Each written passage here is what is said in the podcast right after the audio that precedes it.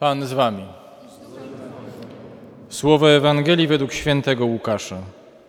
Chwała Tobie, Panie.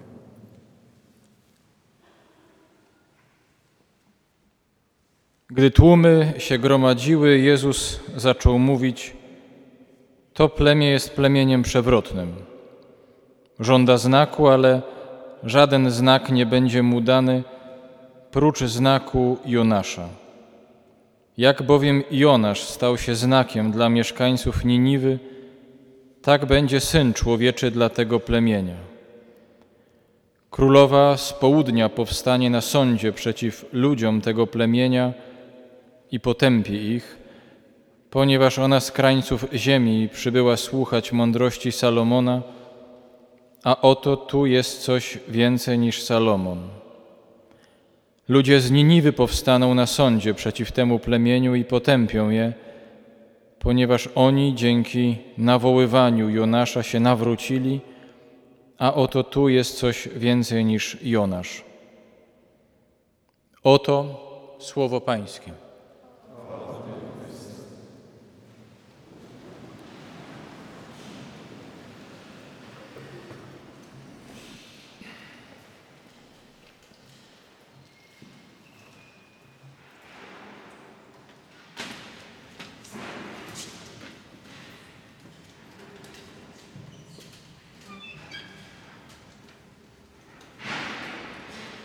Mówi Pan Jezus o znaku Jonasza e, i o tym, że taki znak e, będzie nam dany i żaden inny.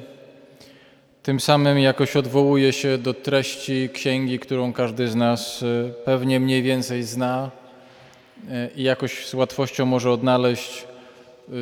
Ja z ciekawości dzisiaj przeczytałem te cztery rozdziały księgi Jonasza ze Starego Testamentu. Zajmuje to pewnie jakieś 30 minut, nie więcej. Jedna z takich, powiedział, łatwiejszych rzeczy do robienia w Piśmie Świętym to jest czytanie takich, takich ksiąg.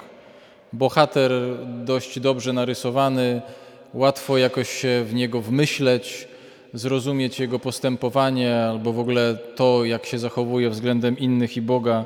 Narracja właśnie nie jakaś porwana, tylko taka od A do Z to to jest y, taka księga, która aż sama chce, żeby takie wszystkie były, a nie tylko wyliczanki jakichś trudnych nazwisk i imion, niewiele mówiące bez kontekstu.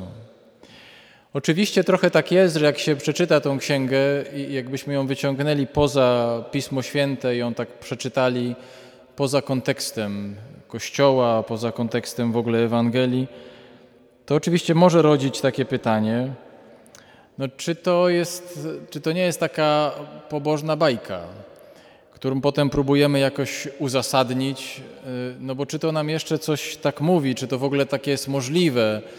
Opowieść o człowieku, który miał spełnić wolę Pana Boga, dostał wezwanie Pana Boga, od tej woli uciekł, y, potem y, w wyniku sztormu wpadł do wody, połknęła go wielka ryba, w tej rybie siedział trzy dni i trzy noce, ta ryba go wypluła, potem z powrotem Bóg do niego przemówił, no i on poszedł do stolicy Asyrii, Niniwy, tak jak słyszeliśmy, i Niniwici się nawrócili. Wszystko by było jakoś strawne, ale ta ryba, siedzenie trzy dni i trzy noce w rybie, trochę tak jest, że y, w czytaniu księgi Jonasza i w myśleniu o znaku Jonasza musimy oddzielać to, co jest konwencją, konwencją literacką, i to, co jest rzeczywistym przesłaniem tego, co nam Pan Bóg chce powiedzieć przez tego proroka. Oczywiście taki prorok był i są ku temu wszelkie dane historyczne. Pojawia się nawet w Księdze Królewskiej, w Księdze Kronik taki prorok Jonasz. Nie wiadomo, czy to jest ten sam, ale jest prorok Jonasz. A z pewnością istniało takie królestwo, które się nazywało Asyria i którego stolicą była Niniwa. Jak kiedyś będziecie w Londynie i pójdziecie do y, Muzeum Historii Powszechnej, to możecie pominąć, oczywiście to jest bardzo ciekawe oglądanie tych wszystkich zbiorów z Egiptu, Rzymu, ale jest też taka sala w muzeum, w muzeum londyńskim poświęcona Asyrii. Nikt tam nie chodzi. Jest absolutnie gigantyczne, wielkie sale i tam pozostałości po Asyrii są. Ale można też pojechać do Berlina, jest bliżej. Tam też w Muzeum Berlińskim takie, takie pozostałości są. I było takie królestwo. Było takie imperium, gigantyczne imperium, które osiem wieków przed Chrystusem rozdawało karty na Bliskim Wschodzie. Rozdawało do tego stopnia, że w 722 roku przed Chrystusem położyło kres Królestwu Izraela. Zadało kres monarchii, która wtedy, wtedy panowała w Izraelu, a 30 tysięcy Izraelitów przesiedliło daleko, kilka tysięcy poza granice swojego państwa, poza granice swoich domów, a w to miejsce, w miejsce tych miasteczek, miast, wiosek, sprowadzono inne plemiona.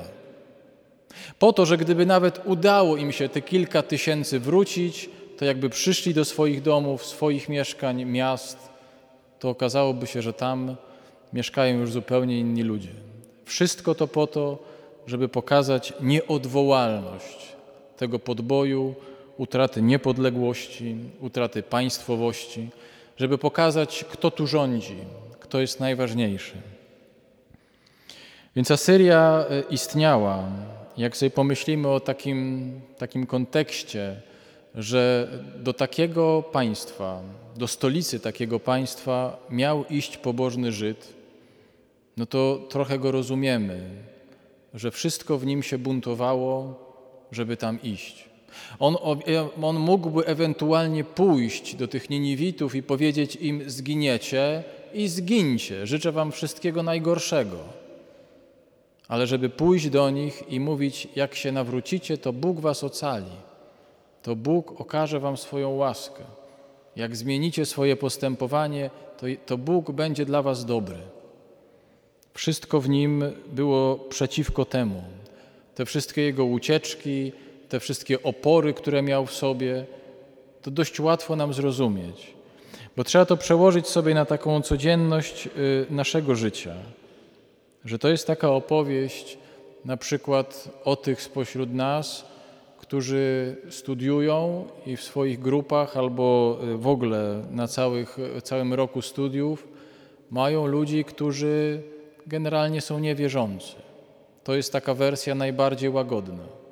Bo mogą być też tacy, którzy się z tego wszystkiego śmieją, którzy mówią, że to jest jedna wielka głupota, a ten Kościół to w ogóle to nie wiadomo co, źródło uciemiężenia ludzi. I ci wszyscy, którzy to przychodzą, to są nieźle rąbnięci. I to są te najłagodniejsze określenia, które mogą usłyszeć. To jest opowieść o tych spośród nas, którzy pracują wśród takich ludzi, którzy generalnie za nic mają sobie moralność, papieża, Ewangelię i mówią, trzeba być dobrze narąbanym, żeby tu przychodzić. Przepraszam za kolokwializm.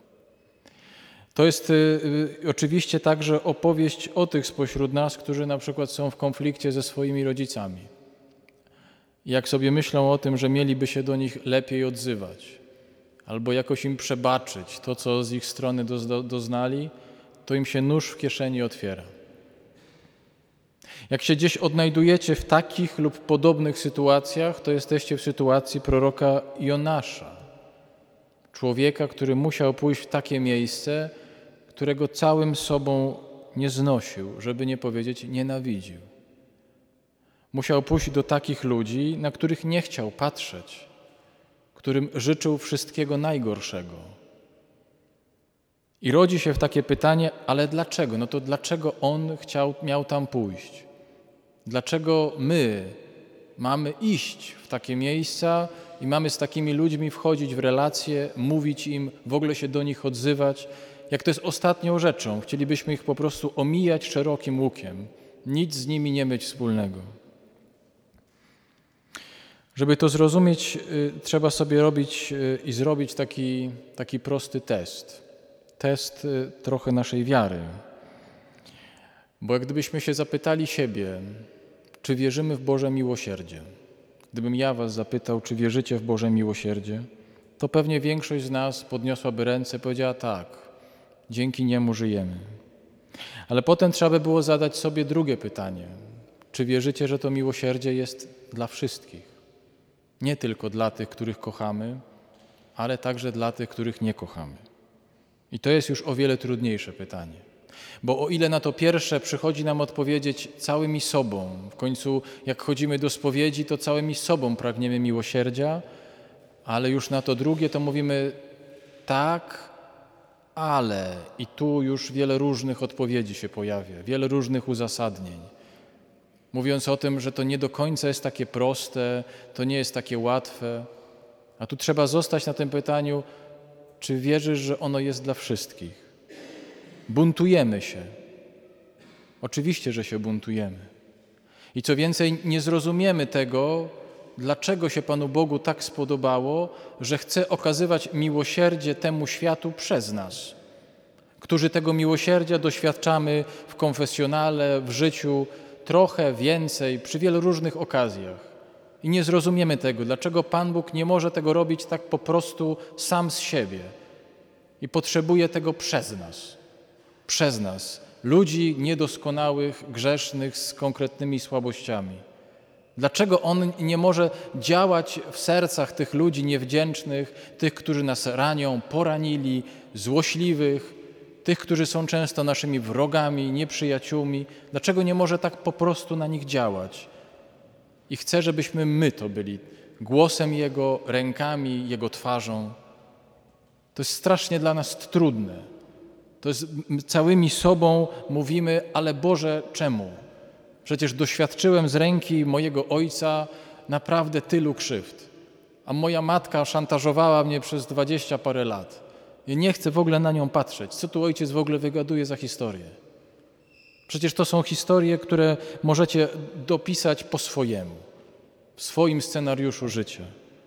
Jak mam się odzywać do swojej siostry albo do swojego brata, przecież to jest kretynka skończona.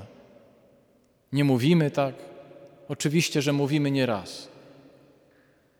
I jak doświadczyliście w tych konfesjonałach, tu u nas, gdziekolwiek indziej miłosierdzia, to na końcu tego te, zawsze jest idź i ty czyń podobnie. Nie rodzi się w nas, ale no tak, ale, ale, ale jak? To nie jest y, wezwanie do bycia bezmyślnym. To nie jest wezwanie do bycia naiwnym. To nie jest wezwanie do tego, żeby zachowywać się głupio. To jest właśnie wezwanie do tego, żeby robić to z całą świadomością, jak wiele nas to kosztuje, jak nie jest to dla nas łatwe. To jest wezwanie i znak Jonasza. Nie zawsze to rozumiemy. Nie zawsze zdajemy, ale czy na pewno, bo byśmy chcieli zrozumieć, czy to przyniesie taki efekt i korzyść. Może nie przyniesie. Może nic to nie zmieni. Wy macie być tylko znakiem. My mamy być tylko znakiem. Nie wiem, czy znacie, słyszeliście o takim księdzu, nazywał się Jan Zieja. Był taki ksiądz, trochę dziwak, bardzo taki, taki rzeczywiście Boży człowiek. Zaangażowany był w tą solidarność na przełomie lat 70. i 80., ale wcześniej y, bardzo był zaangażowany w y, ten dom ociemniałych w Laskach. Był takim w ogóle prekursorem pomocy ludziom ociemniałym. Niezwykle Boży człowiek, niezwykle. Y, książki, które niewiele po sobie zostawił, są takim przejmującym świadectwem Ewangelii.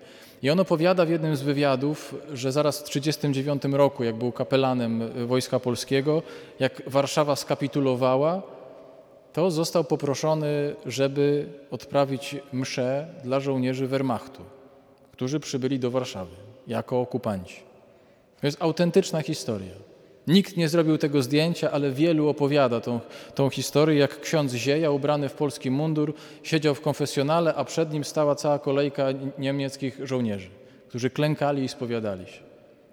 Szokujące jakoś. Potem odprawił dla nich mszę i mówił kazanie. Ale jak to?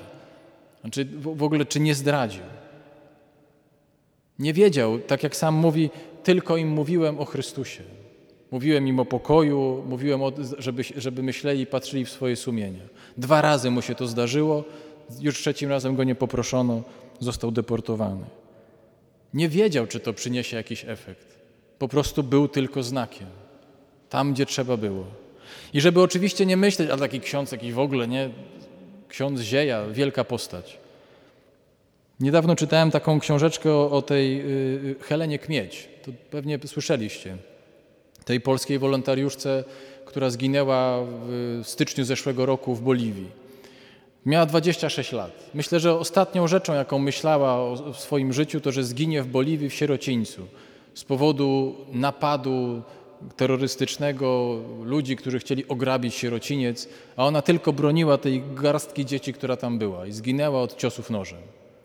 Myślę, że miała 26 lat, nie myślała o sobie, że jest wielkim bohaterem. I jak mówi jej siostra, miała wybór. Mogła pojechać w różne miejsca, bardziej bezpieczne, bardziej ciekawe. Ona powiedziała: Pojadę do Boliwii, tam są też ludzie, którzy potrzebują mojej pomocy. Tak po prostu. Była znakiem. No to jest dokładnie to. To znaczy, że, że, że nie wiemy, jak, jak to zaowocuje. Dziś mówimy, że ona będzie kandydatką na ołtarze. Już się o niej mówi, że niedługo rozpocznie się proces beatyfikacyjny. Zwykła dziewczyna, 26 lat. Nic wielkiego nie robiła. Studiowała, skończyła, pojechała z salwatorianami na misję. Mówię to wszystko dlatego, że znak Jonasza to jest wejście w taką rzeczywistość, której nie zawsze rozumiemy. Ja też jej nie rozumiem. Doświadczyłem w zakonie, sam pewnie zrobiłem braciom wielokrotnie krzywdę i też tej krzywdy jakoś doświadczyłem. Pamiętam taką sytuację, nie, nie jesteśmy różni jako zakonnicy.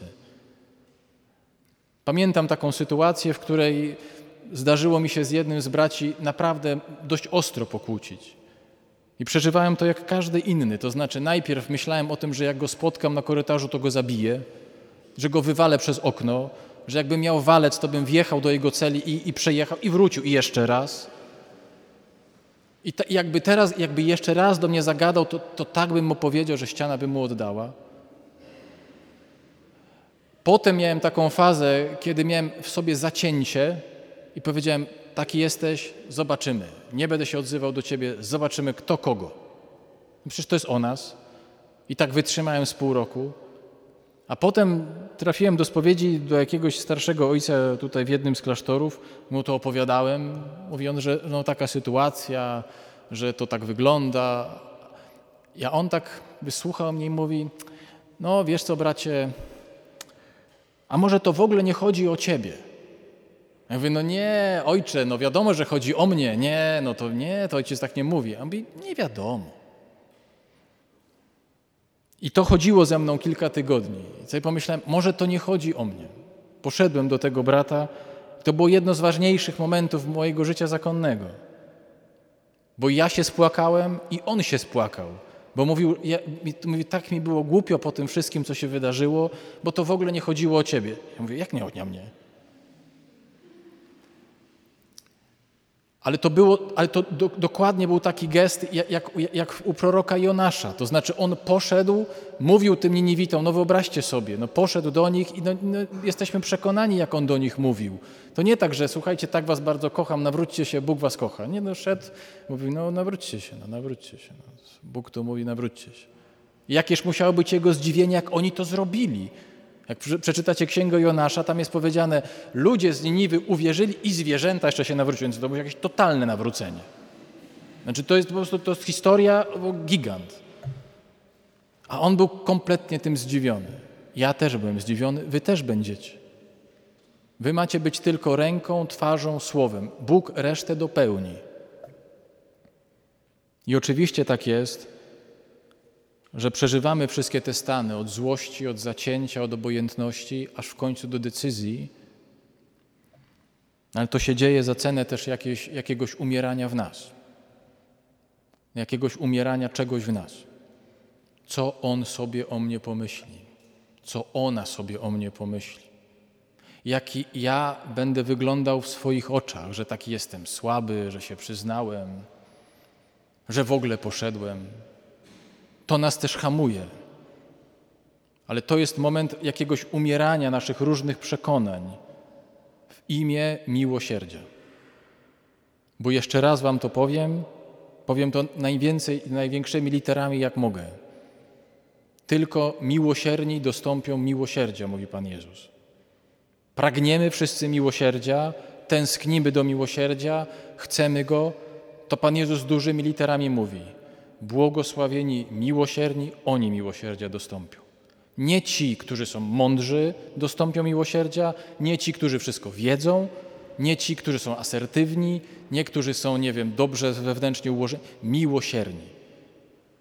Bardzo dużymi literami to mówię. Wtedy rzeczywiście w nas się dokonuje znak Jonasza. Wtedy rzeczywiście wchodzimy w taką rzeczywistość, który rodzi się w nas nowe życie.